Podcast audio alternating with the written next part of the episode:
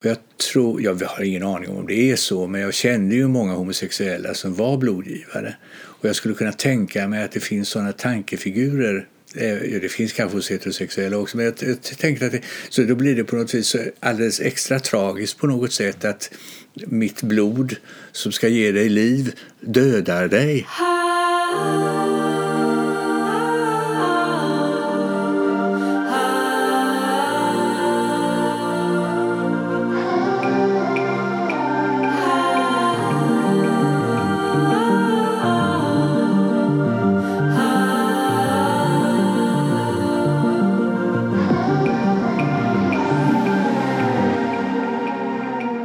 Palme Lybrand och du lyssnar på Queer Story. Ett samtalsarkiv med olika hbtq-personers erfarenheter. I det här avsnittet har jag pratat med Axel. Axel är läkare och vet vad som händer när det tänder. Han har bland annat suttit i RFSUs styrelse i 25 år och varit engagerad i gayrörelsen bland annat genom RFSL och UFH, Uppsala förening för homosexuella. Vi pratar om uppväxten i Karlskrona, om socialgrupp 1B, om intensiva romanser i Lund och i studentkorridoren i Uppsala. Vi pratar också om hiv och om aids och remissvar på olika statliga utredningar, om Wagnerfestspelen i Bayreuth och om brända kärleksbrev. Vi pratar också om Pontus Wikner och hur publiceringen av hans teologiska resonemang kring sin egen homosexualitet får konsekvenser för teologiska diskussioner kring homosexualitet här i Sverige. Efter det här avsnittet så tar vi en liten paus över mars. Vi är tillbaka igen i april. Eh, du kan följa oss på Instagram under Queer Story Pod för att veta när nästa avsnitt släpps. Det här är Queer Story med Axel Brattberg.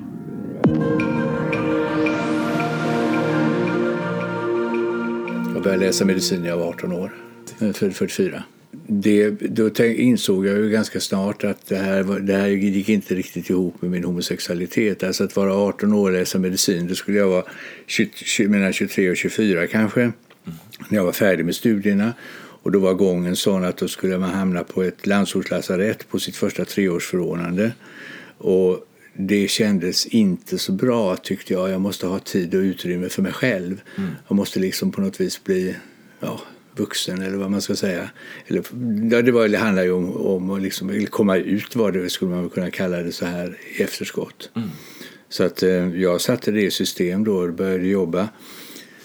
Sommaren 66 så klev jag av studierna ett halvår och så det kunde man göra på den tiden och eh, så klev jag på, så klev jag av och klev jag på.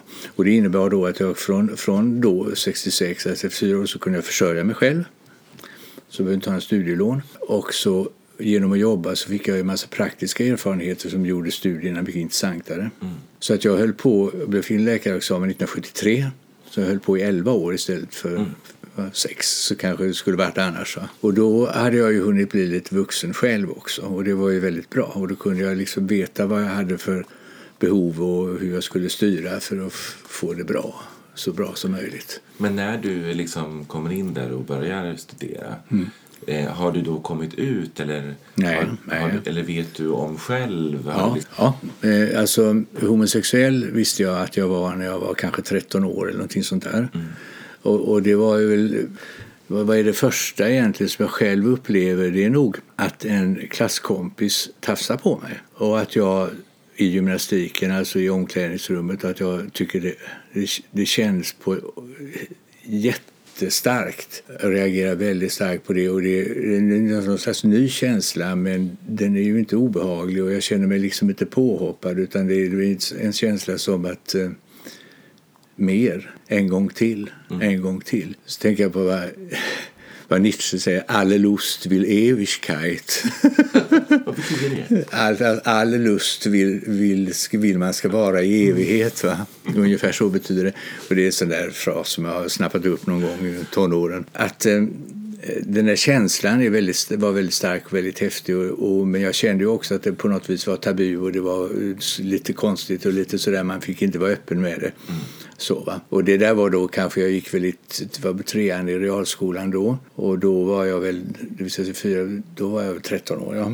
Och sen så efter fyra år i realskolan så delades det upp. Då gick jag till gymnasium och han gick till real, realexamen. Och vi såg liksom aldrig varandra mer. Men upplevelsen var väldigt stark den gången. Och sen så, upplev, sen så började jag uppleva andra liknande saker då med andra killar som, som kändes i mig. Hur, hur de såg ut och hur de luktade var väldigt betydelsefullt för mig då. Och, så jag förstod liksom att det här hade någonting med sexualitet att göra. Och sen hade vi en uppslagsbok som stod i bokhyllan där hemma. Uppslagsbok i sexuell upplysning heter den.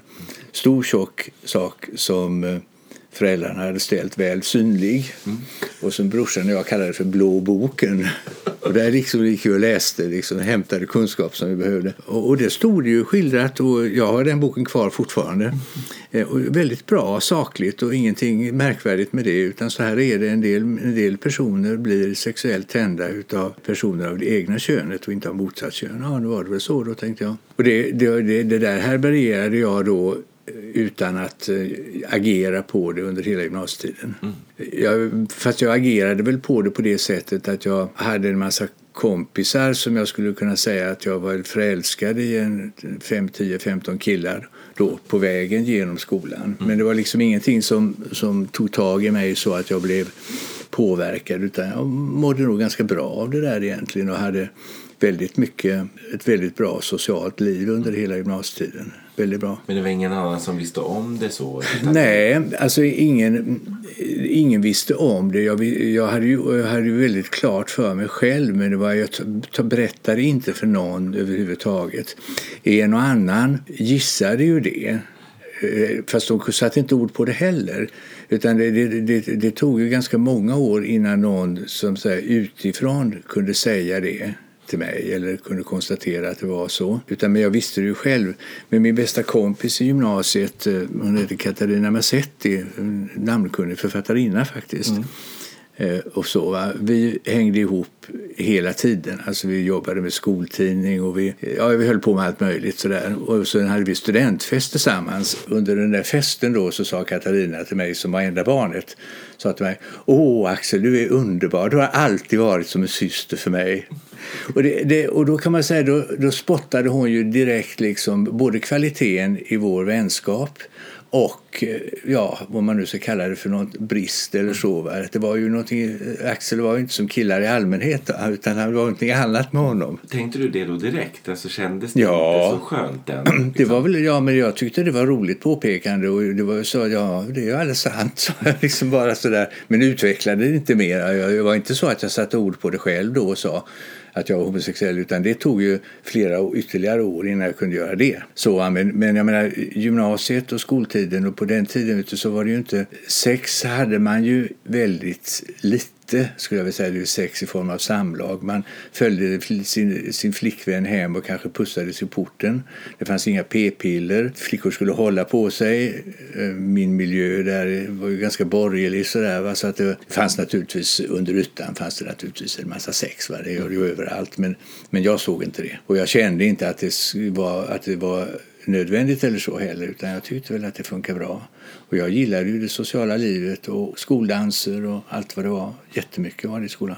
Så ja, jag tyckte det var bra men homosexualiteten den liksom slumrade. Den förblev outvecklad skulle jag säga. Den slumrade ju inte alls men den förblev outvecklad. Mm. Och det där är väl en grej tycker jag som är betydelsefull och som skapar ett slags bristtillstånd hos unga homosexuella. Man tar sig inte möjligheten att träna sin relationskompetens eller sin förälskelsekompetens eller sin kåthetskompetens och vad det kan användas till och vad det ställer till med och ja, mm. på alla möjliga sätt. Så där, där tycker, det är ju liksom en, en, slags bristtillstånd men det kunde jag ju också kanske samtidigt tycka att det var väl många av mina heterosexuella kompisar som inte heller hade så mycket möjligheter att göra någonting av sin heterosexualitet. Nej. Så alltså att det var väl inte någon stor skillnad där heller egentligen. Men jag tycker ju att nu för tiden, alltså när jag ser hur ungdomar har det nu och med ungdomsmottagningar och, och det är som någon slags eh, invigningsritual när tjejerna går till ungdomsmottagningen och träffar barnmorskan och blir undersökta och får sitt första p-pillerrecept och sådär. Då talar man ju om på något sätt väldigt tydligt sätt att sexualiteten är en realitet och att det är också en realitet att agera på den. Och där tycker jag samhället har förändrats och jag skulle säga att eh, jag tror att p-piller är den absolut viktigaste faktorn bakom det. För det gör det möjligt att eh, för kvinnor att vara sexuella utan att riskera en oönskad graviditet. Och det är hur viktigt som helst. skulle Jag säga. Jag tror också att p-piller har haft en betydelse för homosexuellas coming out-process. Mm. För jag tänker så här, alltså att när det blir möjligt att vara, så att säga, vara ihop sexuellt och emotionellt fullt ut, pojke, flicka, kvinna, man, så kan man utveckla och, och utveckla sina känslor. Och då, då, då är det liksom så, tycker jag, att om man är homosexuell eller heterosexuell så är det samma slags känslor man har. Den känslomässiga kvaliteten i relationen blir väldigt betydelsefull. Och när två kille och tjej har den relationen och den kvaliteten. Jag har samma kvalitet. Jag har också liksom rätt, eller det här är också min arena. Jag ska be att få vara med och utveckla mitt. Mm. Så, så ungefär tror jag att det fungerar. Så jag tror alltså att, att det här fokus på relationskvalitet har triggat coming-outen faktiskt för homosexuella generellt. Det tycker jag, det tycker jag då att jag har vuxit upp i hela den här om förändringen av samhället som är relaterad till den sexuella friheten kan man kalla det för och 60-talet och allt det här som var då. Och där p-piller som jag ser det är otroligt grundläggande faktor för, för att möjliggöra det här. Du har ju varit med i den förändringen också via ja. RFSU. Ja. Men om man ska backa tillbaka lite. Du börjar jobba som läkare. Läser medicin i fyra år mm. i Lund. Och sen så, så har jag lite ja, sexuella relationer eller förälskelse där som snear blir väldigt konstiga. Mm. Eh, faktiskt. Så att jag har känslan att jag, jag kan inte vara kvar i Lund. Och då så efter fyra år ska jag börja jobba. Då, då så kliver jag av och sen jobbar jag på ett halvår på lasarettet i Lysekil. Mm-hmm. Och får en jättemycket erfarenhet av att vara doktor av att lära mig massa saker och kanske framför allt en väldigt stark upplevelse av att det här som jag har lärt mig nu under de här fyra åren funkar. Jag kan faktiskt klara det här jobbet. Mm. Och det var en enorm lyftkänsla i det. Och det var ju också det som gjorde då att jag satte det i system och det blev också möjligt för mig att byta studieort för jag tyckte då jag tappade kontakten med de kurskamraterna i och med att jag hoppade av en termin. Mm. Och då kunde jag lika gärna flytta till Uppsala som där jag hade mina syskon till exempel pluggade i Uppsala mm. så att jag hade många skäl att flytta hit. Men det var ju också den här, speciellt en kille då som var, hade någon slags till och från relation till i Lund som jag kände mig så jag var tänd på honom och så kände jag mig en så väldigt obehagligt samtidigt. Det var väldigt blandad upplevelse så jag kan inte vara kvar här. Han liksom både ville och inte ville ha mig på något sätt kändes det som. Han, han, det gick bra att vi träffades någon kväll och hade sex och där. Och, fast ibland hade han inte lust att ha det heller. Sen var han då, hade han då varit med ett tag, han var lite, ja, fem, sex år äldre än jag. Och, och, han, hade liksom, han kände kretsarna mm. i Lund och han berättade väldigt mycket om de här skånska slotten och herresäten där han umgicks. Men han tog aldrig med mig på någonting överhuvudtaget. Va? Det där var väl kanske det som var svårt tycker jag. Det blev någonting som löpte som en, ett spår bredvid mitt övriga liv. Och, som, och det passade liksom inte mig att ha det så. Var det för att just att det var en homosexuell relation att du inte fick vara med där? Eller var det för att Nej, det var nog så. Alltså, det här var nog så att de skånska bögkretsarna som han mm. umgicks i. Alltså, han hade mycket väl kunnat ta med mig där. Men det var någonting, jag vet inte, jag har liksom svårt att det. Men det blev kåt, kättja och obehag samtidigt, va? kan man kunna säga. Mm. Som, som eh, gjorde att det där blev ganska kämpigt så jag kände att jag måste bryta det här på något sätt. Och sen har jag liksom, sen efteråt när man får lite perspektiv så kan man ju förstå att kanske inte, han hade väl jobbigt han också. Mm. Fast på ett annat sätt och han hade ju svårt med de här teoretiska studierna som, som medicin är. Och han blev ju efter på kurser och sådär. Så det, menar, det, och jag förstår det. Jag förstår ju liksom efteråt att han Eh, personlighetsmässigt var väl en ganska rädd person. Men jag kunde liksom inte sätta ord på det då. Jag var ju bara liksom attraherad av honom, väldigt attraherad. Och så var det ju då den första kille som jag hade sex med på allvar. Och det är ju jädra signifikant grej. Verkligen. Men, men så jag, jag bröt det där då och eh, medvetet, jag tänkte så, jag berätt, det sa jag nog inte nästan, jag har ju sånt här som jag har berättat i efterskott då när jag har tänkt på hur det var. Men ju då sa jag aldrig det till någon utan jag bara sa att jag ska försörja mig själv, jag ska prova på att jobba och ja, skaffa mig lite mer erfarenhet sådär. Så det var ingen annan som visste om den där relationen? Nej, nej. nej. nej när du kommer till Uppsala då, Då fortsätter du direkt och, och ja, Då började jag plugga. Alltså då, det var ju samma grej här då. Alltså jag hade studentrum och läste ett par, tre månader per termin och så jobbade resten. Mm. Och hur gammal är du när du kommer till Uppsala? Eh, 24. Jag var, här, jag var här och gick en kurs, eller när jag var 23, alltså året innan 67. Och då så kom jag tillbaka till Lund sen igen och då var, kände jag mig lite ambivalent sådär. Ska jag flytta? Ska jag inte flytta? Mm. Men så tänkte jag, jag låter ödet besluta. Kommer jag in i Uppsala så flyttar jag och så gjorde jag det på nästa kurs. Och så, ja, så slapp jag ta det beslutet själv. Det var väl skönt? Ja, lite, lite självbedrägeri sådär, lite lagom. Så, och sen, det har jag ju inte ångrat. Jag träffade ju Thomas till exempel då som bodde på samma korridor som jag. Och som ja, tyckte det var att det var en gullig kille det där. Man träffas i köket sådär på en studentkorridor. Man småpratar lite grann och, och, och, man tar reda på vad den ena och den andra gör. Så man läser och så. Och så. Sen så, ja, så gick det några månader. och Sen så blev det bara liksom plötsligt så, så sa det pang liksom. Att det, och vi hamnade i armarna på varandra. Och det, och det var liksom en, en hisnande upplevelse. För då var det liksom inte fråga om att de där känslorna som jag hade haft i Lund. Utan då var det närvaro med hull och hår och kropp och själ och hela rubbet. Va? Så det var, det var en otroligt stark och positiv upplevelse. Och då tänkte jag ja, men det, funkar, det här funkar också. Mm. Jag kan, jag kan jag med. Ungefär så. Va? För mig var det ju mycket så, alltså jag hade ju ganska många, mycket sociala kontakter här åt, åt så tre syskon som läste i Uppsala och den här killen Thomas han var ju kurskamrat med min lilla syster. På ett det betyder att vi befann oss i samma sociala svär, eller grannsfärer i alla fall, väldigt mycket och bodde på samma korridor. Så där. Det som händer då är att man får en väldigt mycket bredare kontaktyta med varann. Mm. Men det som också händer är att man behöver inte tala om att man är ihop. Så det blir samtidigt bygger man, i, bygger man in ett slags smygeri mm. i relationen. Va? Så det blir i alla fall lite sådär garderob över det hela. För det var ingen som visste? Din syster visste inte om? Det var ingen som visste. Det var väl något år senare som jag bestämde mig för att ta bladet från munnen och berätta tydligt, tydligt och explicit så här och så här är det med mig. Och min lilla syster då som ju då kände den här tonen sa någonting väldigt, eh, också så här väldigt slående. Sa, ja men det kan jag förstå, för det har jag märkt att när du har någon ny kompis så blir du så där oändligt anpassbar som jag blir när jag blir kär. Det är också en väldigt rolig grej tycker jag. Alltså hur, hur, hur människor runt omkring en på något vis eh, spottar vad, det är som, vad är det som är essensen här och så, så formulerar de det på något sätt och, och det gör de liksom utan att eh, ens tänka tanken homosexualitet. Utan, men när de sen får begreppet också Jaha, ja, men då faller allting på plats. Ja. Men då förstår jag. Det är spännande och det, det är sån där grej tycker jag att det, det, jag menar, det har hänt flera gånger i mitt liv att, att eh, andra människor de ser det där på något sätt. Va? Och då, en del är väldigt medvetna och erfarna så de förstår vad det är de ser. Mm.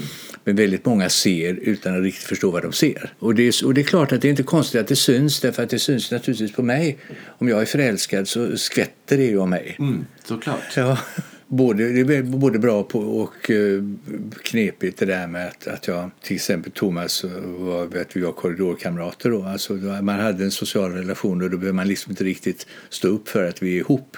Just det. Utan det var inte konstigt att vi gick ihop på fester och att vi var där, ja, umgicks mycket och så. Det blev, det blev integrerat och samtidigt inte riktigt öppet, ska mm. man säga. Och så, och men sen, så där har det varit för mig. Eh, de flesta personer som jag har varit ihop med har jag ju träffat i sådana här sociala sammanhang, alltså typ korridorkamrater. Den första killen som jag bodde ihop med har han träffat på psykiatrikursen. Han satt, satt liksom bänken framför mig där i föreläsningssalen och luktade av något jävligt gott rakvatten. Som en så, Gud vad det tänkte jag. Oj, oj, oj, vad är detta? Och så småningom så, så blev, vi, blev vi ihop också då. Va? Jag har tänkt på det faktiskt att, att eh, jag fick ju inte kontakt med den så kallade bögvärlden förrän Uppsala förening för homosexuella bildades här i stan. Mm. Och det var, väl, det var väl kanske 1971 eller någonting sånt där. Alltså det är ju inte så himla långt senare när man, man nu sitter här och pratar om åren. Men åren, när man är 25 eller 20 30 så är åren ganska långa och innehållsrika. Och sen när man blir 60-70 så är de liksom lite, flyter de på lite snabbare och har inte så mycket signifikanta, så många signifikanta händelser på det sättet längre. Va? Men vad det, och det heter UHF? Eh, UFH, Uppsala förening för homosexuella, hette den föreningen. Och det var inte en RFSL-avdelning från början utan det var, bildades på initiativ av ett antal personer här i Uppsala. Och det är ju en särskild historia hur det gick till. Det var väldigt kul också. Mikael då som jag var tillsammans med, den första killen som jag bodde ihop med, han var i Uppsalabo och han kände ju en del av de här personerna. Så att när föreningen hade startat och konstituerat sig så hade de ett möte i någon lokal som man fick låna av kommunen som Mikael hade varit på och sen så nästa möte gick jag med på också. Och från då så har jag i princip varit eh, engagerad i gayrörelsen. Mm. Sen det hände utvecklades ju den här verksamheten mycket här i Uppsala och vi hade kontakt med Missionskyrkan och Svenska kyrkan och kommunen och hade så att säga stödpersoner i de här instanserna. Framförallt var det väldigt viktigt med det kommunala stödet. Mm det fanns ett kommunalråd där, vad han nu hette, det kommer jag inte ihåg, men som tyckte att alltså, samhället kan göra, göra väldigt mycket för människor, men det samhället aldrig kan göra det är att skapa relationer. Det måste människor göra själva. Men vi kan skapa förutsättningar för att bygga relationer och det eh, sponsrar vi gärna. Och det var en bra analys tycker jag. Och, och, RFSL hade ju bildats långt tidigare så, så, det, så det är klart att det fanns en sån klangbotten. RFSL bildades i början på 50-talet tror jag. Mm. Eh, så det fanns ju som någon slags förebild. Men det var också betydelsefullt att vi var inte en lokalavdelning av RFSL utan vi var Uppsala förening för homosexuella som så småningom blev en lokalavdelning fortfarande under namnet UFH. Och sen efter ytterligare kanske 5-10 år så småningom så blev det inrättning i leden och så blev vi RFSL Uppsala och det är vi ju nu. För det fanns ingen annan liksom, lokalförening Nej, det har inte funnits. Nej. nej, det har inte så utan det jag, jag ser ju väl med det som en slags eh, uttryck för, för den uppsaliensiska svansföringen. Alltså att man går, inrättar sig inte i Stockholmsleden så där automatiskt. Det här är Sveriges äldsta universitet. Vi gör inte som Stockholm. Och det, det, finns ju väldigt mycket sånt i den här stan. Alltså, mm. Och det finns ju väldigt mycket sånt i Lund också. Va? De, här gamla, de är speciella de här gamla universitetsmiljöerna. Mm. Och det var väl då ett av skälen. Och det var ju också så att i och med att vi kom med som avdelning inom RFSL så var vi också med på kongresser och så. Och vi hade ju under många år rollen som oppositionsparti inom RFSL hade mycket egna idéer om programförklaringar och hur man skulle tänka och tycka och vad man skulle jobba för och sådana saker och, och, var då på hugget väldigt mycket mot eh, Stockholmsstyrningen. Minns du något särskilt sånt där tillfälle som var avgörande just? Alltså, ja, jag skulle säga så här, jag tror att programförklaringsarbetet inom RFSL, där fanns det liksom två linjer där den sexuella friheten var liksom det viktigaste för, inte, jag menar inte förenkling det här, men för, för de storstadslinjerna. Alltså det, det, man kunde hitta sexpartner var som helst och man, kunde, man behövde liksom inte smyga längre. Och här i Uppsala så var vi då istället fokuserade vi mycket på relationer och möjlighet att bygga relationer och, och alltså, så att säga, ja, samlevnadsformer och så hur det skulle se ut och vad det skulle kunna vara och vad man saknade för något. Så det, så det var där någonstans tror jag som skiljelinjen gick. Men sen, sen är det säkert så också att i grunden tror jag inte att, att olikheterna var så stora men det blir ju stort när man bråkar. Mm. Då blir ju små, då, blir, då förstorar man ju konfliktytorna. Och jag har ju liksom aldrig övervägt att jag skulle gå ur RFSL eller någonting sånt där. Det tycker jag inte för jag menar, helheten är ju så bra så det finns ju ingen anledning. Men var det också liksom blandade kön i, i... UFO, vi hade mycket mer. Alltså vi hade ett antal kvinnor som var starkt profilerade här. Mm. Och som hade mycket så att säga, inflytande i det ideologiska arbetet mm. och i det här kontakten med myndigheter och så. Och det tror jag spelar roll också. Det är ju bra om man kan jobba ihop kvinnor och män för att vi tänker olika. Men primärt är ju inte lesbiska kvinnor och homosexuella män särskilt intresserade av varandra. Mm. Så man måste lära känna varandra så mycket så att man kan se den gemensamma ideologiska arenan och engagera sig i den, då kan man ha jättemycket utbyte av varandra. Mm. Om föreningsverksamheten i första hand går ut på att eh, erbjuda en säker kontaktplats där man kan hitta en förälskelse eller lite sex eller vad man nu söker för så, då Det är inte säkert att den där typen av, av gemenskap växer fram. Nej. Och då ja, kan du väl säga, då spelade det väl roll då eh, så Uppsala var som det var och då hade de stödpersonerna. Och också att, eh, att vi hade många kristna som var med i gruppen och de hade ju då kontakt med sina samfund och bearbetade dem på sitt håll och, vi gjorde gemensam sak också. Det fanns ju en stark grupp kristna homosexuella både i Stockholm och Göteborg också och kanske framför allt i Stockholm för det fanns en biskop som hette Lars Karlsson tror jag han hette som var väldigt eh, radikal och framsynt och sen fanns det pastor Ludvig Jönsson, eh, vad heter han som är kyrkoherde i Storkyrkan. Mm. Och han var väldigt sådär, var, var helst kärlek sker, sker något heligt eller så mm. sa han och då omfattar han all slags kärlek. Mm. Så han var, han var också väldigt så öppen och radikal och, och, och stödjande. Så att, och det, det är också en intressant sak tycker jag med, med Sverige och de religiösa samfunden, framförallt Svenska kyrkan, hur de har hanterat det här. Mm. Jättebra, tycker jag i mm. princip.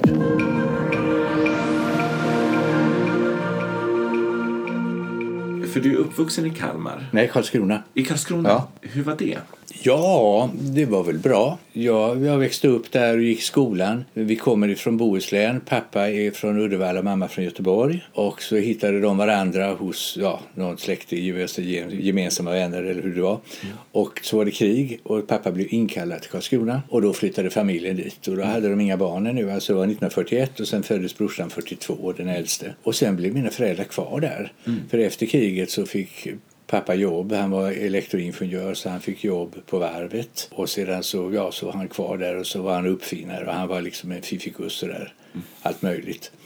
Ingenjör, duktig, duktig person på det sättet och, och snäll. Och mamma var ju ja, en väldigt emotionell person skulle jag säga som fick polio 1949 så att hon blev lite justerad på det viset. Hon, hon kunde ju klara, levde ju ett långt liv sen men hon var ju lite handikappad av det och kunde inte jobba. Det hade hon säkert gjort annars. Och, och, så hon var hemmafru då och så var vi fyra syskon födda 42 till 48. Vi hade, vi hade sommarställe i Bohuslän som, det, så det har liksom varit en, en, en väldigt viktig ankare i mitt liv hela tiden. Och där träffade vi kusinerna och där ville vi gärna vara hela sommaren. Så det, det, var liksom en del av min identitet och det var bland annat det som gjorde att jag aldrig, aldrig pratade blekingska. Jag tillägnade mig inte den lokala, jag tyckte den var ful också så att det var väl ett skäl. Men... Och när vi pratade på telefon så pratade du om socialgrupp 1B. Ja. Eh, vad betyder det? Ja, det är en sån stad som Karlskrona var då på den tiden en militärstad och det fanns regementen, det fanns regementschefer. Det är ett bördigt landskap med ganska stora gods runt omkring. Liksom det finns en sån här överklass och det fanns industrier och lite industrimagnater. Det fanns en porslinsfabrik, Telia hade en stor fabrik och så varvet var naturligtvis också en väldigt stor. Men det var ju liksom en del av det militära samtidigt. Och då, det, det, så det fanns liksom en överklass i stan. Mm. Och sen så fanns det då borgerskapet då, som jag tillhör som liksom ligger strax till under. Men det var fortfarande var det ju så när man kom i skolan och sådär. Man hade det bra ställt och föräldrarna hade ordnad ekonomi och man bodde i villa och sådär. Så att det var ju ändå så att, att man hörde ju till det övre skiktet. Och då så brukar jag kalla det för socialgrupp 1B. det var ett, på den tiden sa man socialgrupp 1, 2, 3 sa man. Och, och det var lite sådär. Så man var liksom borgarbarn, kan man säga. Borgerliga värderingar, var borgerlig miljö sådär, materiellt bra och så. Inte mycket konflikter. Och jag var väldigt trivdes, trivdes bra i skolan men jag jag har ju aldrig varit bra på idrott så att jag tyckte ju inte att det var så roligt. Gymnastik kunde jag rätt bra men jag var liksom ingen sån här fotbolls eller handbollskille. Jag tyckte det var så otäckt när de killarna brakade ihop i stora klungor. Som, och, och, så det, jag var rädd för det där snarast. Så alltså, jag blev liksom aldrig någon idrottsman av mig. Men eh, jag läste ganska mycket och eh, utvecklade väl mig språkligt skulle jag säga framför allt. Och det gjorde också, alltså redan realskolan så var jag ganska bra på språk men sen när jag kom i gymnasiet så hamnade jag i en situation, en miljö som var väldigt annorlunda. Där det värderades högt att kunna tänka och formulera sig och mm. skriva och så. Så det blev ett enormt lyft för mig. Så hela, hela gymnasietiden som då var fyra år var ju jättebra. Mm. Väldigt mycket socialt liv och sådär. Väldigt mycket musik och musiklyssning och, och så. Ja, så jag, menar det, jag tyckte väl att livet var i stort sett bra. Och sen gick jag omkring där och var småförälskad i den ena än den andra killen. Men, men jag menar, det, det, det höll sig lite lugnt sådär så blev det inte. Det störde inte harmonin, den grundläggande harmonin i mig tycker jag inte. Fast jag förblev ju emotionellt pueril och outvecklad kan man väl säga, på vissa områden i alla fall. Men kring den här, jag tänker också att det säger mycket om tiden kanske? Ja, homosexualitet fanns ju närvarande i miljön på något sätt. Vi hade en fransklärare som, som luktade lavendelolja och sen hade vi en, en mattelärare som var väldigt eh, tillknäppt och så. Och de här två lärarna eh, gick det rykten om att de hade någonting ihop, att man hade sett dem på hamnpromenad hand i hand och sådär. Och det tänkte jag, tänkte jag, tänkte jag, ja men det kanske de har. Och så tänkte jag också, men det, jag har medhåll för båda dem. Är det kanske inte en tillfällighet? jag, var väl, jag var väl en lätt elev. Jag tror inte att det var så att det var speciellt mycket medhåll. Men jag, jag bråkade inte och gjorde jag skulle. Sen fanns det en antikhandlare i stan också som det gick rykten om homosexualitet kring. Eh, och det var väl kan förmodligen sant. Mm. Men det vet jag inte. Men det var mer som att det fanns ett rykte men man pratade inte så mycket Nej, om det? Man, man pratade ju inte om vad det innehöll och vad det var för någonting. Det fanns ju liksom inte på den tiden överhuvudtaget. Bög var ju ett skällsord och Kölsvin var ju ett sånt där ord som man kunde vara i Karlskrona. Vet du vad kölsvin är? Det är kölsvin är ju en del av en båt. Det är bottenutrymmet längst nere där bordläggningen går ihop i kölen. Det blir ett utrymme som det ofta står lite vatten i därför mm. det läcker in vatten i båtar. Det utrymmet kallas för kölsvin. Och det har ju ingenting med, jag vet inte varför, men det är väl själva ordet tror jag som man använder i Karlskrona. Så ett kölsvin var en bög så kunde vara en kölsvin. Mm. Är du kölsvin din jävel? Och så. Mm. Det, fanns, men det fanns ju så som skällsord. Och, men det där, jag, jag, jag har ingen minne av att jag någonsin... Jag tog liksom inte illa vid mig av det där därför att jag tyckte att det, det där har ingenting med mig att göra. Det där är bara sånt som de säger. Stark självkänsla? Ja, det tror jag man kan säga. Min faster brukar alltid säga att Barbro, mamma, alltså hon skrytter så med sina barn. Och jag kan tänka, tänka att det, vad som var var att hon tyckte att vi var ganska bra och hon, hon bekräftade det på något sätt. Va? Men jag menar, det har vi som syskon upplevt väldigt olika. Men just jag har alltid upplevt att mina föräldrar har tyckt att jag är bra. Mm. Och ja, det har jag tyckt själv också. Men det var så tillräckligt bra i alla fall. Men, men jag menar, det, det, den atmosfären, jag har inte känt mig ifrågasatt. Jag har inte haft några st stora svårigheter i skolan. Utan det har liksom flutit på jättebra. Men jag har ju tänkt så här också om min egen homosexualitet. Och det gjorde jag under de första åren i Lund. Så jag, nu, har jag, nu har jag kommit så här långt. Nu har jag tagit studenten, nu har jag börjat läsa medicin. Och jag ser rätt så hyfsad ut och, och, jag kommer att bli doktor, jag kommer att få status. Och, ja, jag är faktiskt ganska bra. Om jag nu kunde rätta till det här också så skulle jag bli riktigt bra. Och det handlade om bögeriet. Det där tankespåren hade jag väldigt mycket då under första åren. Men sen hände det någonting. Alltså jag läste någon bok eller vad det, jag vet inte vad det var som hände. Jag kan inte komma ihåg det nu. Men plötsligt en dag liksom så, så, liksom så vände det där. Att, nej men, det där är ju fel tänkt. Mm. Det, jag är ju som jag är och det är ju det som ska göras någonting av. Jag ska ju inte göra mig till någonting annat än det jag är. Mm. Och det är en väldigt tydlig upplevelse. Jag kan se mig själv sitta där i fåtöljen i mitt studentrum. Jag har liksom en väldigt konkret känsla av när det där inträffade. Mm. Och sen så, så ska jag säga så, och då började väl egentligen min psykologiska coming out. Mm. Och, och det, då kan jag ha varit 20 år skulle jag säga. Mm. Och då sen började jag jobba på det spåret. Så här kan man inte hålla på. Man kan inte hålla på och gömma sig. Det är också någon, någonting sånt där som jag känner igen från min mamma som var väldigt mycket sådär att för känslomässig uppriktighet, alltså säga vad hon kände, mm. vilket inte alltid alls var så särskilt lyckat. Men, men, men hon har liksom den känslan att man måste vara uppriktig med sina känslor och jag hade ju den känslan också att det var väldigt betydelsefullt att vara tydlig för sin omgivning. Mm. Alltså, Så det här känner jag, det här står jag för. Och det var väl då kanske någonting jag hade ärvt av henne. Mm. Eh, och, och, också försökt att gestalta i mitt eget liv. Hur hittade du till RFSU? I slutet av studietiden jobbade jag på Akademiska sjukhuset, hade vikariat på olika ställen. För då hade jag tent, mina sista tentor, jag skulle försörja mig och tentera så jag blev färdig. Och då så kom jag i kontakt med neurologen, neurologiska kliniken. Och jag hade dessutom då gått eh, en kurs i sexologi som var extra kurs på läkarlinjen som leddes av professor, utav docent Lundberg heter han på den tiden. Han blev professor samtidigt som jag började jobba på neurologen.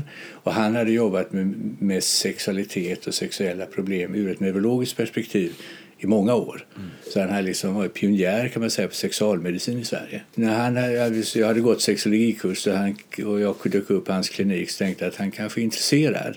Så jag började jobba med sexuella frågeställningar ur, som en liten del av mitt läkarjobb då. Och då så RFSU kände jag till och de har ju en klinik med, som, för sexuella problem. Så jag tänkte det där med RFSU är lite intressant för mig. Vad håller de på med? Och sen när jag då var på min första RFSL-kongress mm så fick jag klart för mig att RFSL var medlemsorganisation i RFSU och kunde skicka en representant till RFSUs årsmöte. Välj mig, jag är nyfiken på den här organisationen, sa jag. Och då blev jag vald. Och det är väldigt ovanligt när man ska välja folk, förtroendevalda, att folk räcker upp handen och säger välj mig. Utan det, är liksom, det brukar vara mycket övertalande och gnetande innan man får folk mm. till oss. Så det var väldigt lätt. Och så fort jag visade mig på eh, RFSU så blev jag eh, suppleant i styrelsen. Mm. Och då var jag ju, från början var jag ju som någon slags maskot kan man säga där. Va? För att du kom från RFSL? Ja, just det. Mm. Just, huvudsakligen det. Va? Ja. Det skulle jag säga. Men sen så skedde ju ganska snabbt väldigt mycket förändringar inom RFSU vad det gäller så att säga, den sexualpolitiska analysen och den teoretiska förståelsen av sexualitet. Det hade varit ett antal mycket tongivande psykoanalytiker som hade haft ett freudianskt perspektiv på det här inom RFSU under många år eh, och som då hade dominerat klinikens verksamhet och så. Och det var nog på väg att förändras redan då. Och det förändrades ju under de åren som jag var där. Men jag jobbade med homosexualitetsfrågor i RFSU kanske ett eller två år bara. För sen blev jag mera engagerad i de sexualmedicinska frågorna och utbildningsprogram och eh, utbildning av RFSU-informatörer och sånt som liksom liknade min verksamhet vid sjukhuset här där jag var liksom med på sjuksköterskeutbildning, läkarutbildning och så. Alltså, det liksom flöt ihop alla de här sakerna på ett väldigt bra sätt. Och, och, det sexualpolitiska perspektivet från RFSU och det sexualmedicinska perspektivet från jobbet här passade liksom väldigt bra ihop med varandra. Så inom RFSU blev jag någon slags kan man säga, kvalificerad sexualupplysare ungefär som berättade om vad som händer när det tänder. Mm och då på ett mer medicinskt perspektiv. Och när är det här? Det här är ju... 76 blev jag med, blev jag med i och, och 2001 avgick jag. Mm. var med 25 år i styrelsen där. Och det är också ganska, det är också väldigt typiskt för mig att jag är sån. Jag, håller, jag ger aldrig upp. Ibland håller jag på för länge. Och det, det som är så här, ur min personliga synpunkt så var väl det som, det som var mest givande där allra mest var väl att vara med i redaktionskommittén för boktidningen Ottar. Och då var det så att då, det fanns ju, höll hållit på att ges ut ett par år när jag blev inkallad som extra, adjungerad redaktionsmedlem för det första aids-numret som ju var en väldigt jag har det kvar fortfarande. En väldigt bra publikation måste jag säga. Mm. Med titeln Möt aids med kunskap, kärlek och kondom. Jag tycker fortfarande att det är liksom en genial sammanfattning av läget. Alltså. Och när är det här? När kommer den ut? Ja, det är väl, jag har den, 84 tror jag, någonting mm. sånt där. Hur gick liksom diskussionerna i RFSU kring aids? Ja, de var väldigt lika diskussionerna inom RFSL. Man, man var väl lite mera man tyckte väl kanske att är det, är det här är det så himla viktigt att hålla på hålla de här bastuklubbarna öppna? Måste man kunna knulla hur mycket som helst, när som helst och med hur många som helst? När det verkar vara som att det här är en smittsam sjukdom, är det liksom rimligt? Mm. Så där fanns ju en kritik så, och den kritiken finns, fanns ju på många håll även inom RFSL. Mm. Men, men jag tycker alltså att, att eh, RFSL, RFSU hanterade det här lika bra eller bättre än de flesta andra instanser i samhället. Mycket seriöst och mycket kunskapsorienterat. Alltså, RFSU heter ju, betyder ju Riksförbundet för sexuell upplysning. Det är ju i grunden en kunskapsorganisation. Och den stora, stora frågan för RFSU genom hela tiden har ju varit sexualupplysningen i skolan, eller sexualundervisningen. Och, och det, blir liksom, det här blir en del av så att säga, hur undervisar man om det här, hur pratar man om det på ett pedagogiskt sätt så att de som lyssnar kan ta in det och så vidare. Och jag tycker det var genomgående väldigt bra. När du jobbade på sjukhuset, minns du hur man pratade om aids där? Ja, det var ju ganska, det var ju ganska mycket rädsla de första åren. Va? Därför att det, det, det är det här med kroppsvätskor och hur, hur, pass, hur pass smittsamt är det det, det, tog ju några år innan man fick klart för sig vad det var frågan om och att det var ett sånt här retrovirus då som gömmer sig i det genetiska materialet och man kan inte komma åt det mm. Eh, med vanliga eh, läkemedel som fanns. Man utvecklar nya läkemedel eh, och man kan aldrig bli av med det. Alltså man kan bara hålla det på mattan och hålla det under kontroll. Det blev ju klart så småningom. Det tog ett antal år. Men då i början var man ju rädd skulle jag säga. Och det var ju olika hur rädda folk var. Men det tog ju inte så hemskt lång tid innan man fick klart för sig att det eh, faktiskt var en ganska svårsmittad sjukdom. Och att det, det, som hände, det som krävdes var ju slemhinnekontakt kan man säga med kroppsvätskor eller blodbanan. Och det är klart att det här med blodgivning och blödarsjuka som blev sjuka av sin medicin, det där var ju en en katastrof på sätt och vis som ju är helt naturligtvis förväntad med tanke på hur det här smittämnet beter sig. Men samtidigt så drabbar på ett sätt som mm, oskyldiga kan man säga. Eh, som de blödarsjuka som då blev smittade. Och, och då var det då sannolikt då blod från homosexuella och då finns det en annan dimension av det tycker jag Nämligen att jag tror att det är ganska många homosexuella som är blodgivare i någon slags känsla av att eh, någon slags metafor för portplantning på något mm. sätt. Alltså, att, det, att ge av sitt blod till en annan människa är någon slags väldigt stark symbolisk handling tycker jag.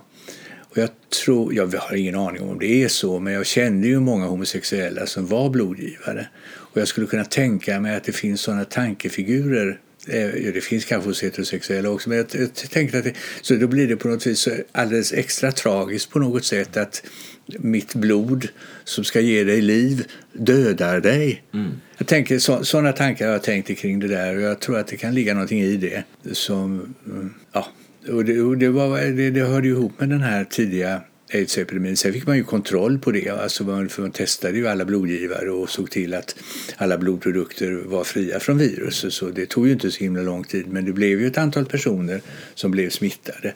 Och säkert ett antal som dog av det också innan man hann utveckla mediciner. Så det är en sån här sjukvårdskatastrof. Var det liksom ett snack kring homosexualitet på Nej. avdelningar och sånt där? Fanns det liksom en, en homoskräck? Nej, det tycker inte. Det, det är ju väldigt intressant det där. Alltså det är aldrig, jag har aldrig upplevt några sådana grejer. Det har att göra med att, som jag ser det, att för, för de personer som finns runt omkring mig är jag inte homosexuell utan jag är Axel som är homosexuell. Och det har jag hört liksom uttryckas så många gånger i så många sammanhang. T till exempel när, vi hade, när det diskuterades adoption för homosexuella så var det ju många som var tveksamma till om det kan det vara lämpligt och man behöver väl både en man och en kvinna när man växer upp som identifierar sig med och tar avstamp från och så och är homosexuella lämpliga?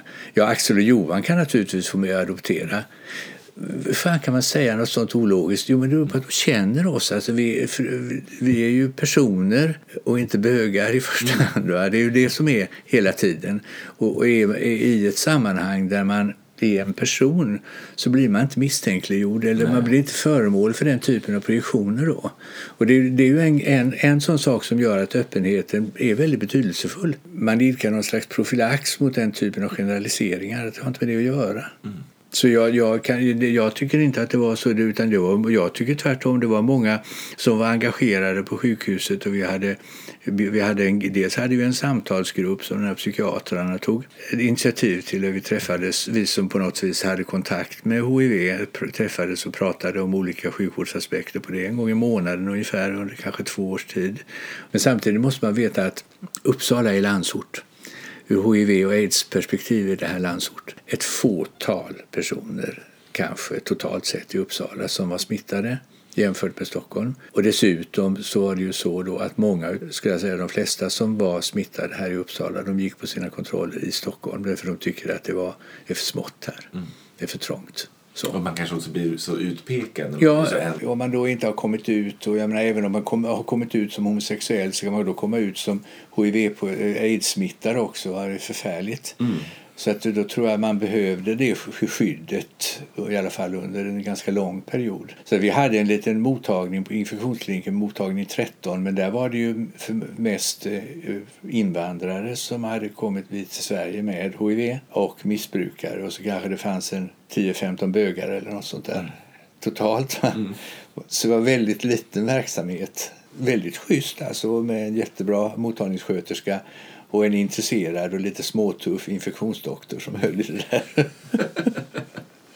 I Stockholm var det ju så att det var ju homosexuella, homosexuell sjukvårdspersonal som tog hand om det här från början. Mm och gjorde, drog igång så att det verkligen hände någonting. Men, och det har ju varit så. Det har ju varit så nästan ända fram till idag. Men samtidigt så har det ju skett en utveckling så att eh, hiv och aids finns ju inte längre men hiv har ju integrerats i sjukvården. Mm.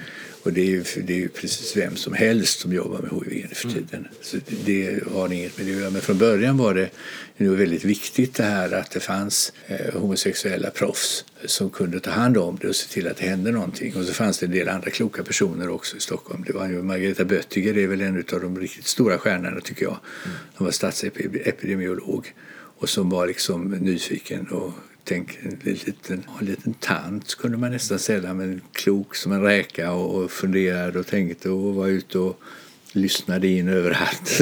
Jätte, jättehäftig tant.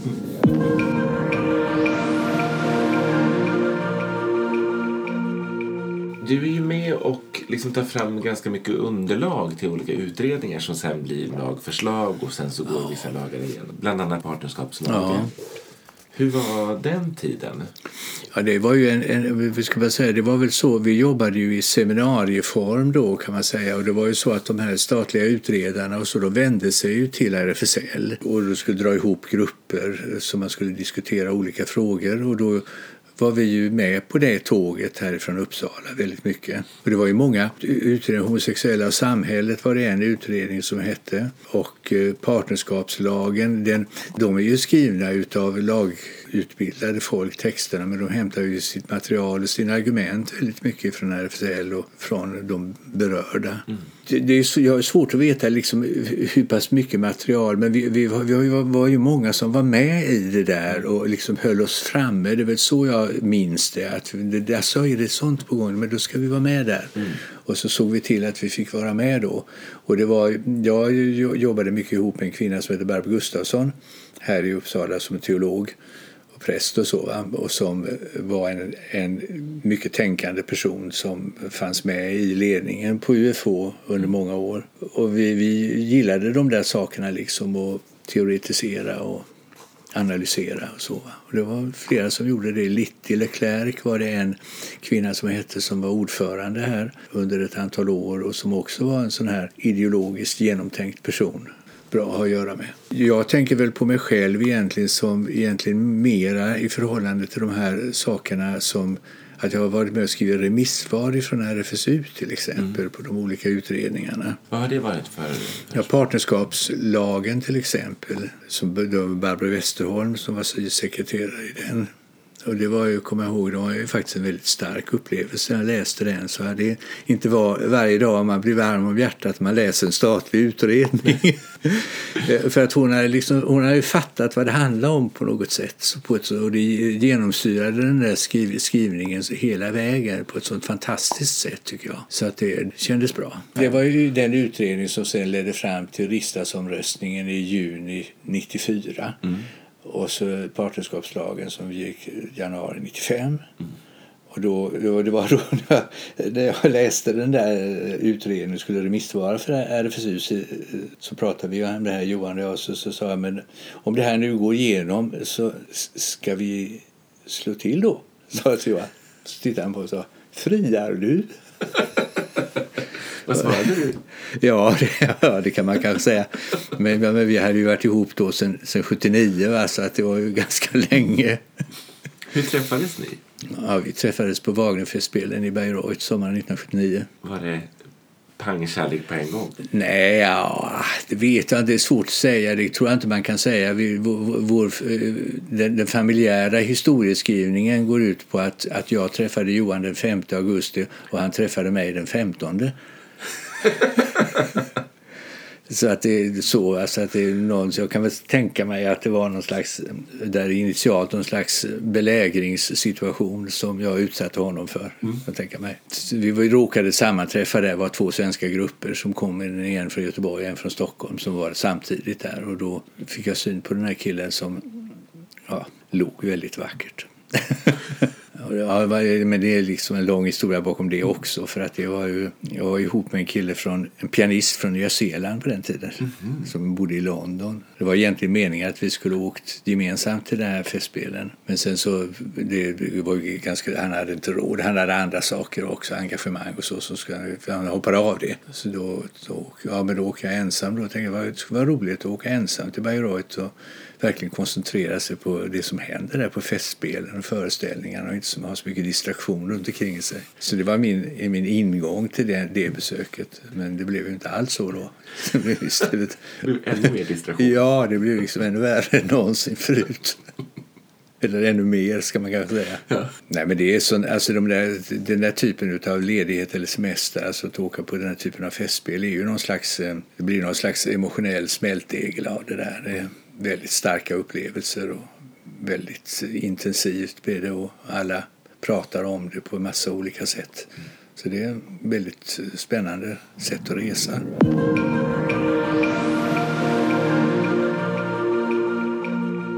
En sak som vi inte har tagit upp är ju den här historien om Pontus Wikner. Ja, jag tror att jag har gjort någon slags nyckelinsats där. Mm. Därför att det som med Pontus Wikner var det så ju att, att han dök upp för mig när jag gick den här kursen, extrakursen på läkarlinjen i sexologi. Då hade vi en, ett, en kväll, vi hade temat homosexualitet och då kom professor Torsten Frey till kursen då och skulle ha föreläsare då. Och sen hade han med sig en resursperson, det vill säga en äkta bög som var en, en, en journalist på Sveriges Radio som då skulle berätta så lite personligt som man, ja, som man gör, informatör ungefär kallas det sen inom RFSL. Mm. Hur det är att vara, leva som homosexuell. Men sen hade han med sig ett manus också så berättade han om den här teologiprofessorn som då levde på 1800-talet och på, kanske början, dog någon gång början på 1900-talet och var en mycket respekterad i teologiska kretsar i Uppsala och var professor i dåvarande Christiania, det vill säga Oslo och dog ganska ung. Och han hade då lämnat ett manus efter sig till en skrift som heter Psykologiska självbekännelser som handlade om hans homosexualitet och som ingen kände till, eller i alla fall den var dold för offentligheten. Och han testamenterade den till medicinska fakulteten därför att han vågade inte lämna den. Jag litade inte på mina teologiska bröder tillräckligt mycket för att lämna min skrift där. Och den skulle få öppnas då 50 år efter. Mm. Och så, när, när dör han? Ja, men 1902 eller 1905 eller någonting sådant skulle jag tro. Och då hade Torsten Frey med sig detta manuset då, som han läste ur. Och då tyckte jag det var så fantastiskt vackert skildrat. Han skildrar kärleken liksom till ja, en kille då ung man kanske idag skulle man kunna säga att det är lite pedofila inslag i det hela. Så idag skulle man kunna kritisera den här skriften enligt så att säga, mera samtida kriterier än vad som var bekant för oss på den tiden. Eh, men i alla fall, det var väldigt vackert skrivet, väldigt vackert, vackert hur han kände så. Så jag tyckte att det där vill jag läsa alltihopa. Så jag sökte upp professor Frey efteråt och frågade om jag kunde få en kopia av det här manuset. Och, och, han berättade också att ja, det här är ju, skulle vara värt att publicera tyckte han men det är ju ingen som vet om Pontus Wikner är. Det finns inget förlag som är intresserade alls. Men jag fick den här kopian och sen hade jag en del känningar bland teologer och, och folk så. Alltså det tog inte mer än ett halvår innan den var utgiven. Och då, jag vet inte vem som gjorde vad i den eh, sörjan där för det finns många som vill ta äran åt sig av att ha varit den viktigaste personen. Jag tror också att det fanns andra faktiskt som kände till detta manus Eh, samtidigt som professor Frey presenterade. Men det fick en skjuts då och blev publicerat. Och det hade ju väldigt stor betydelse för Svenska kyrkans, hur de tog tag i homosexualitetsfrågorna. Mm. För då hade de liksom en egen auktoritet i sina egna led som dessutom själva homosexuell och som hade skrivit på ett väldigt bra sätt om det. Så den, det hade betydelse då för till exempel Holsten Fagerberg som var professor i teologisk etik i Uppsala och lektor på Katedralskolan som ju har varit en av de ledande teologerna i Sverige när det gäller frågorna kring homosexualitet. Och de, han gjorde ju, skrev en bok som heter Homosexuella kyrkan som gud 1973 och som var ju då som slags efter inspiration av Pontus Wikner och någon slags påbyggnad. Och den kompletterades med några, ett antal personliga vittnesbörd. Den, heter, bok, den boken heter då Det homosexuella i församlingen. Mm. Och det var då kristna homosexuella som skrev liksom hur det var. Mm. Var, krist, var homosexuell i en kristen församling. Och jag tycker att det, för hela det som hände, har hänt inom kyrkan sen så har det här haft någon slags nyckelbetydelse från början. Alltså som någon slags startskott. Mm. Att det här, vi måste ta det här på allvar. Det, vi har det hos oss själva. Det kommer inte utifrån? Nej, det, nej, finns. det, kommer, det finns. Det finns ja, och det, det är klart att det gör. Det har det alltid gjort. Mm. På det sättet var det väl betydelsefullt. Och för mig var det då en underbart vacker poetisk skildring av homosexuell kärlek. Mm. Jag liksom alldeles, eh, blev alldeles varm om hjärtat när jag läste det där. När publiceras den? Det är 70? 72. 72. Jag, jag, kan jag hämta den? Ja. Kan titta?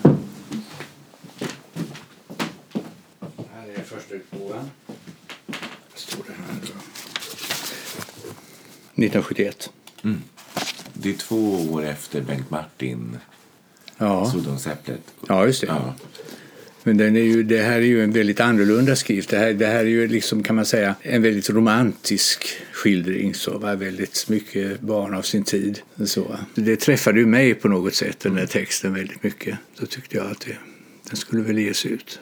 Är det han på bilden? Ja, han är född i Tanum Eh, i Bohuslän där det här, mm, de här hällristningarna finns. Så bygdens absolut största son. Mm. Och han var en stor man då i slutet på 1800-talet och början på 1900-talet och därför så blev Odd Fellow-logen i Uddevalla uppkallad efter Pontus Wikner, så den heter Pontus Wikner. Är det sant? Ja, och den logen bodde i min, låg i min far, alltså lokalen låg i min farfars fastighet på Kungsgatan 14 i Uddevalla. Och min farfar var skulptör bland annat och arkitekt, så han har gjort en, en, en gips, en gipsrelief som föreställer Pontus Wikner. Är det sant? Ja. Ja. Men, och den här eh, den blir kritiserad sen?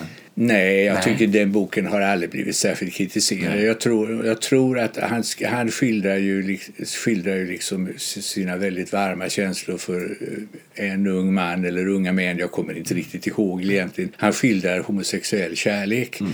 Men om man läser, om man ser, närläser den så kan man se att det, det är kanske en kanske det är så att säga en 30-årig professor och en 18-årig student eller no något sånt där. Man känner liksom att han, det, det är den ungdomliga skönheten hos en ung man som man är väldigt upptagen av.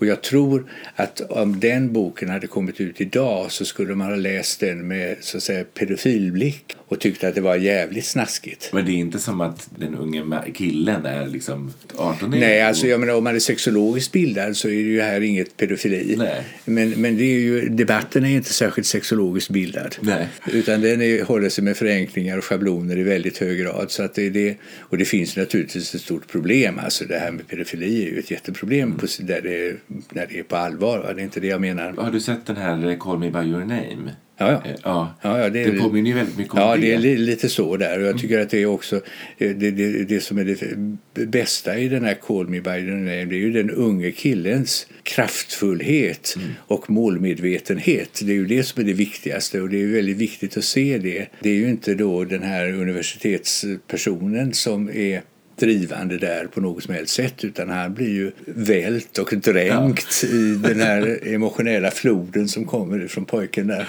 Jag skulle säga att jag tror att det är många av oss som är homosexuella kan känna igen sig väldigt väl i den killens intensitet och vad, vad man ville skulle hända men man inte vågade själv. Mm. Men han vågar och därför blir jag så jävla imponerad och så jävla tagen av det. Tänk om jag hade varit så kraftfull när jag var så där gammal. Det hade hänt grejer. Ja.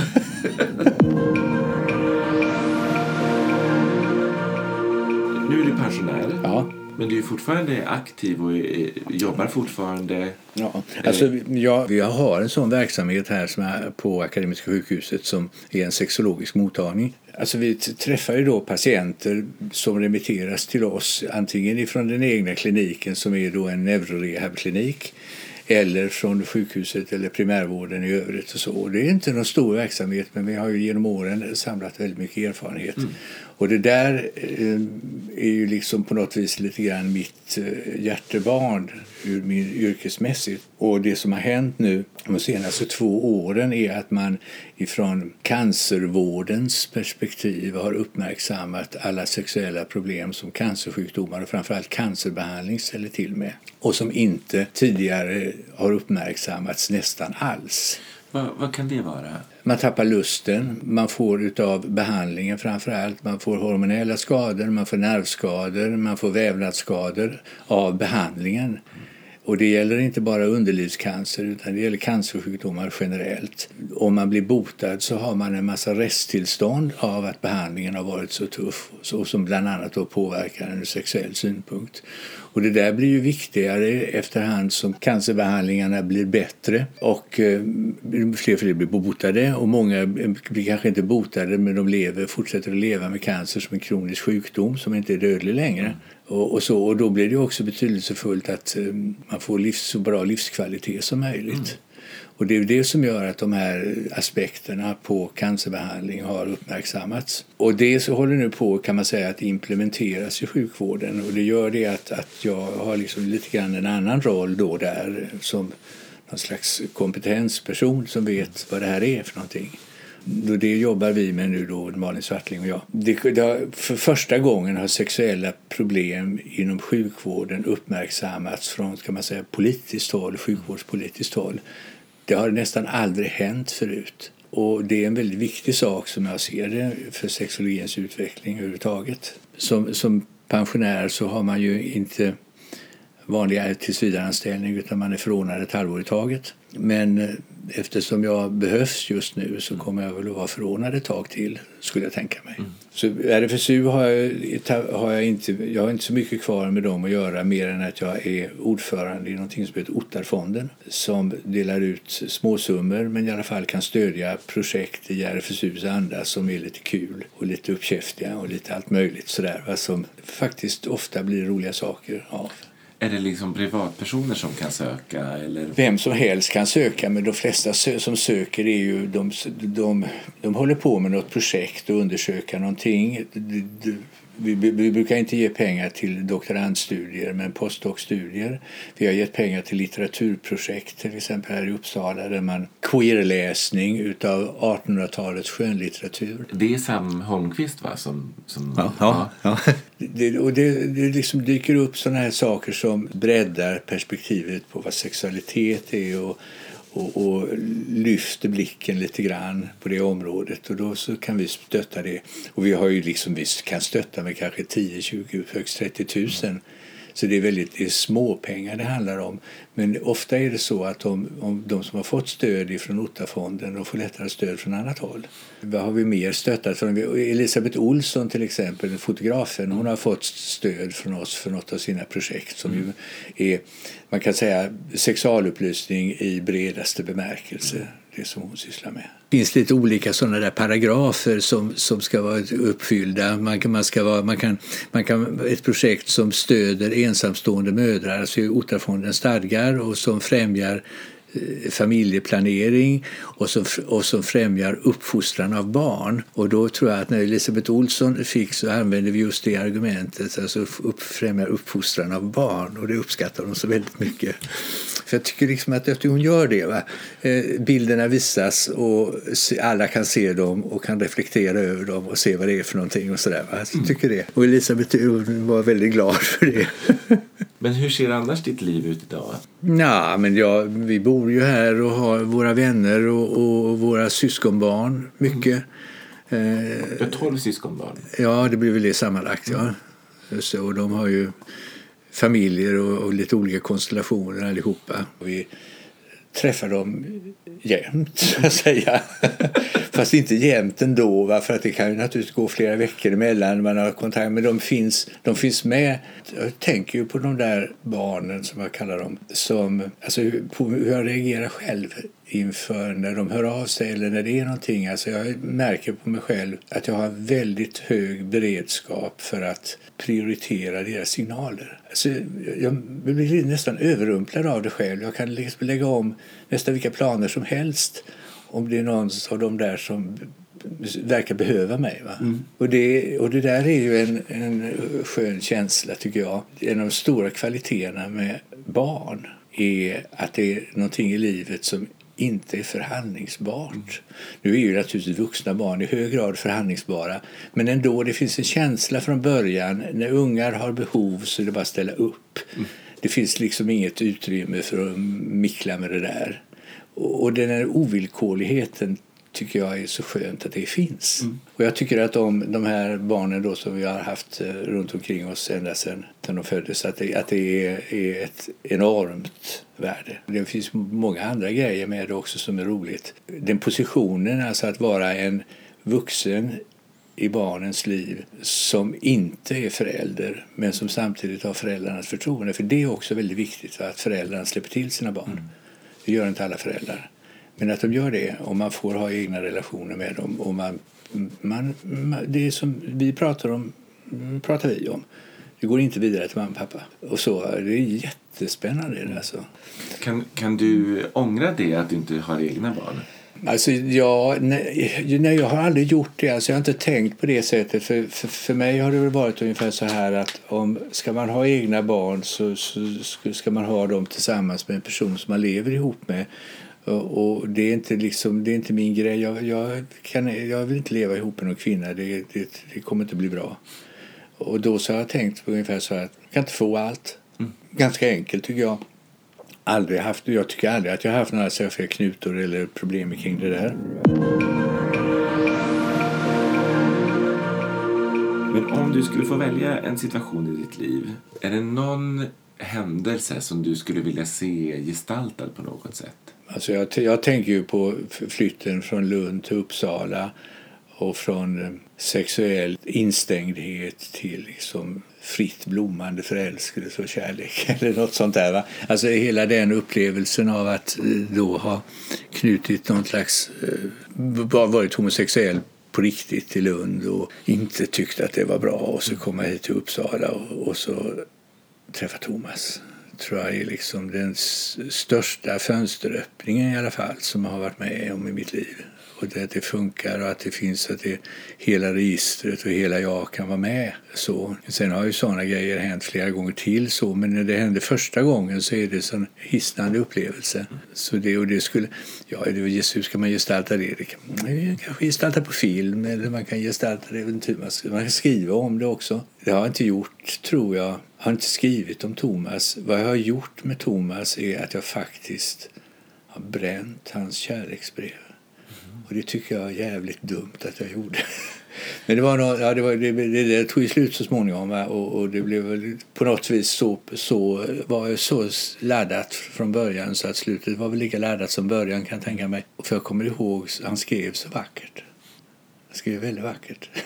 Jag vet inte varför, men det var väl någon slags, det var, jag var väl på gränsen då naturligtvis på något vis. Var liksom inte riktigt tillräckligt eh, utkommen för att tänka mig att det här skulle jag spara på.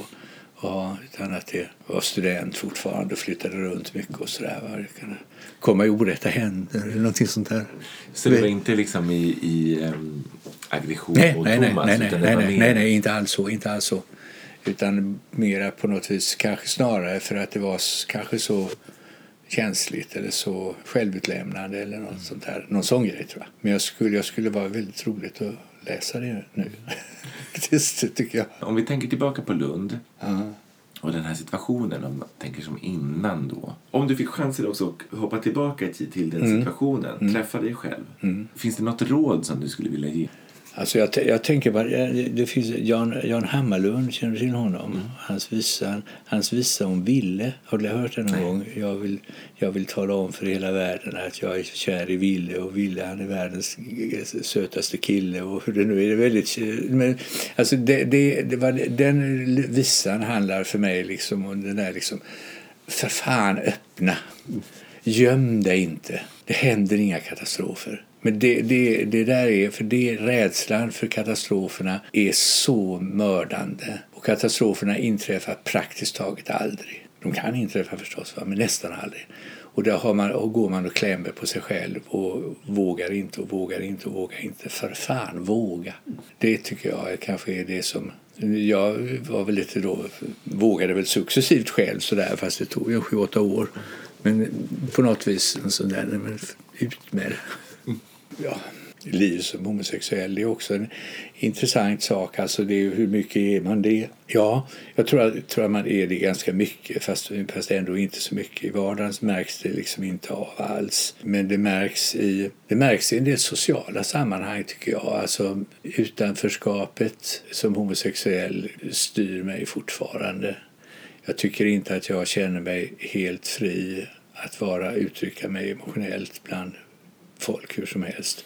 Och det blir ju en del av ett socialt rolltagande också, att man etablerar liksom en social stil. Och man är inte flamboyant eller sådär, tar, tar uppmärksamhet för egen del i, i onödan. Men en slags lågmäldhet tycker jag som ibland inte, inte egentligen är riktigt bra. Mm. Tycker jag. Så jag, menar, jag, tycker, jag tycker att det där med coming out-processen är någonting som pågår hela livet och att det inte är avslutat än. Jag har nyligen tydliga upplevelser av det här. Mm-hmm. Det ringer, Johans och min mobiltelefonnummer har blivit hopblandade för att vi, när vi skriver om abonnemangen så står båda Johan på bägge.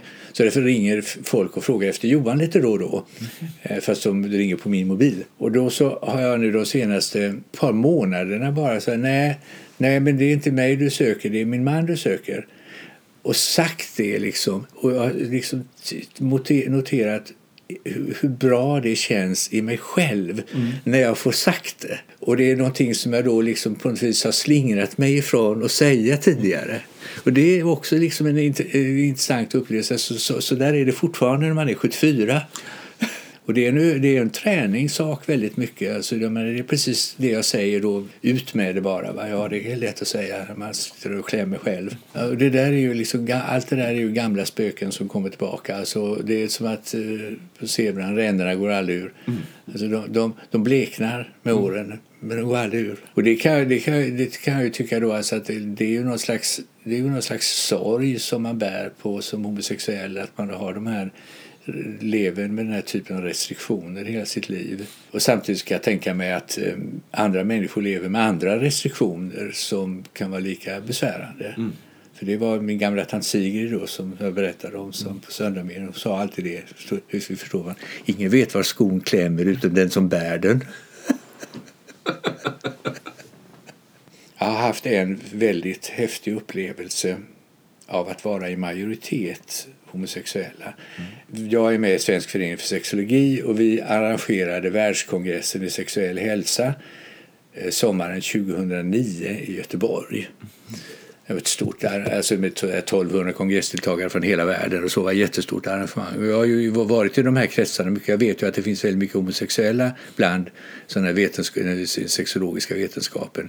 Och det är helt okej okay att vara, vara gay i de sammanhangen men det pratas aldrig om det. Det syns aldrig, nästan aldrig. Eh, så att då inför den här kongressen så gjorde jag tillsammans med Homosexuella läkares förening mm vi två, ordföranden där och jag, gjorde en gemensam skrivelse. Vi bjuder in alla gay kongressdeltagare och andra intresserade till en båtutflykt i Göteborgs skärgård och en måltid på Brännö värdshus. Detta event och det samlade kanske 60 personer eller någonting sånt där som åkte spårvagn genom Göteborg ut till Långedrag och sen med båten ut till Brännö och sen hade vi abonnerat värdshuset. Och det var väldigt enkelt. Väldigt enkelt. Men det var då, då var jag i ett vetenskapligt sammanhang där jag själv är ganska hemtam och så var jag bland en församling som inte alls bara var homosexuella utan det var en del gay-friendly folk där också.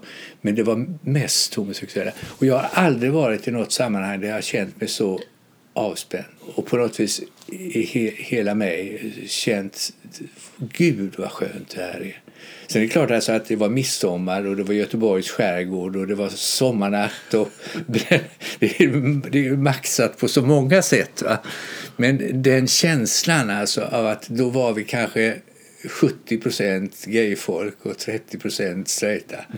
Och den känslan det var i det, det var helt makalöst. Så det, det tycker jag var häftigt. Homosex, föreningen Homosexuella läkare ska jag kanske nämna, tycker jag man ska nämna något om också. Lite intressant, eller mycket intressant egentligen. Som numera heter Regnbågsläkarna sedan två år tillbaka. Det, det är en förening som bildades i början av 80-talet då när aids-epidemin var ett faktum av personer som jobbade, alltså läkare och tandläkare som jobbade med aids-patienterna i Stockholm som en slags professionell stödförening, kamratförening kan man säga och som sen har utvecklats till ett eh, forum för professionell utveckling utifrån en yrkesroll som homosexuell och läkare. Och som har, tror jag, haft ganska stor betydelse. Överhuvudtaget alltså har liksom satt det här lite grann på kartan att det finns homosexuella läkare. Och man har, det kan man ju se där också, man har också någon slags behov av att prata om hur det är att vara homosexuell läkare. Mm. Ja, och, så, och det där är det, det jag tycker att det är, är ett väldigt bra intressant initiativ. Föreningen har kanske något hundratal medlemmar. Det är liksom ingen stor församling men jag tycker att den är betydelsefull. Och sen också den här utvecklingen då från att från början vara i första hand ett stödforum för det var ju väldigt många som kände sig väldigt utsatta då. Mm.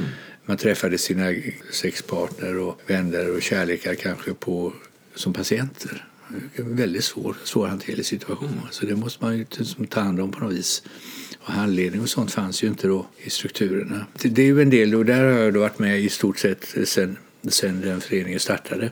Och det är också blandat? Det är, bland, alla... det är blandat kvinnor och män. Från början var det bara män, alltså, men nu är det kvinnor. En ganska stark kvinnofalang nu sedan flera, ja, ett antal år tillbaka. Så det, det, det är också bra.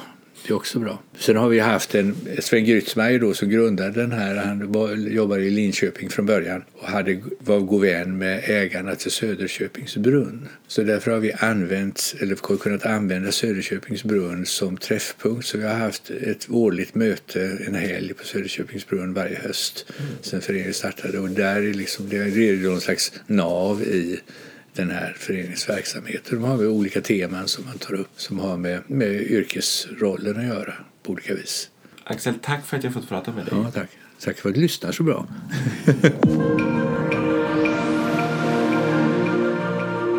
Musiken är gjord av Ilon Weide och Anna Nordenström. Grafiken av Michel Hammerfelt. Jag heter Palme Lydbrant. Nu tar vi lite paus. Ses igen i april. Tack för att du har lyssnat.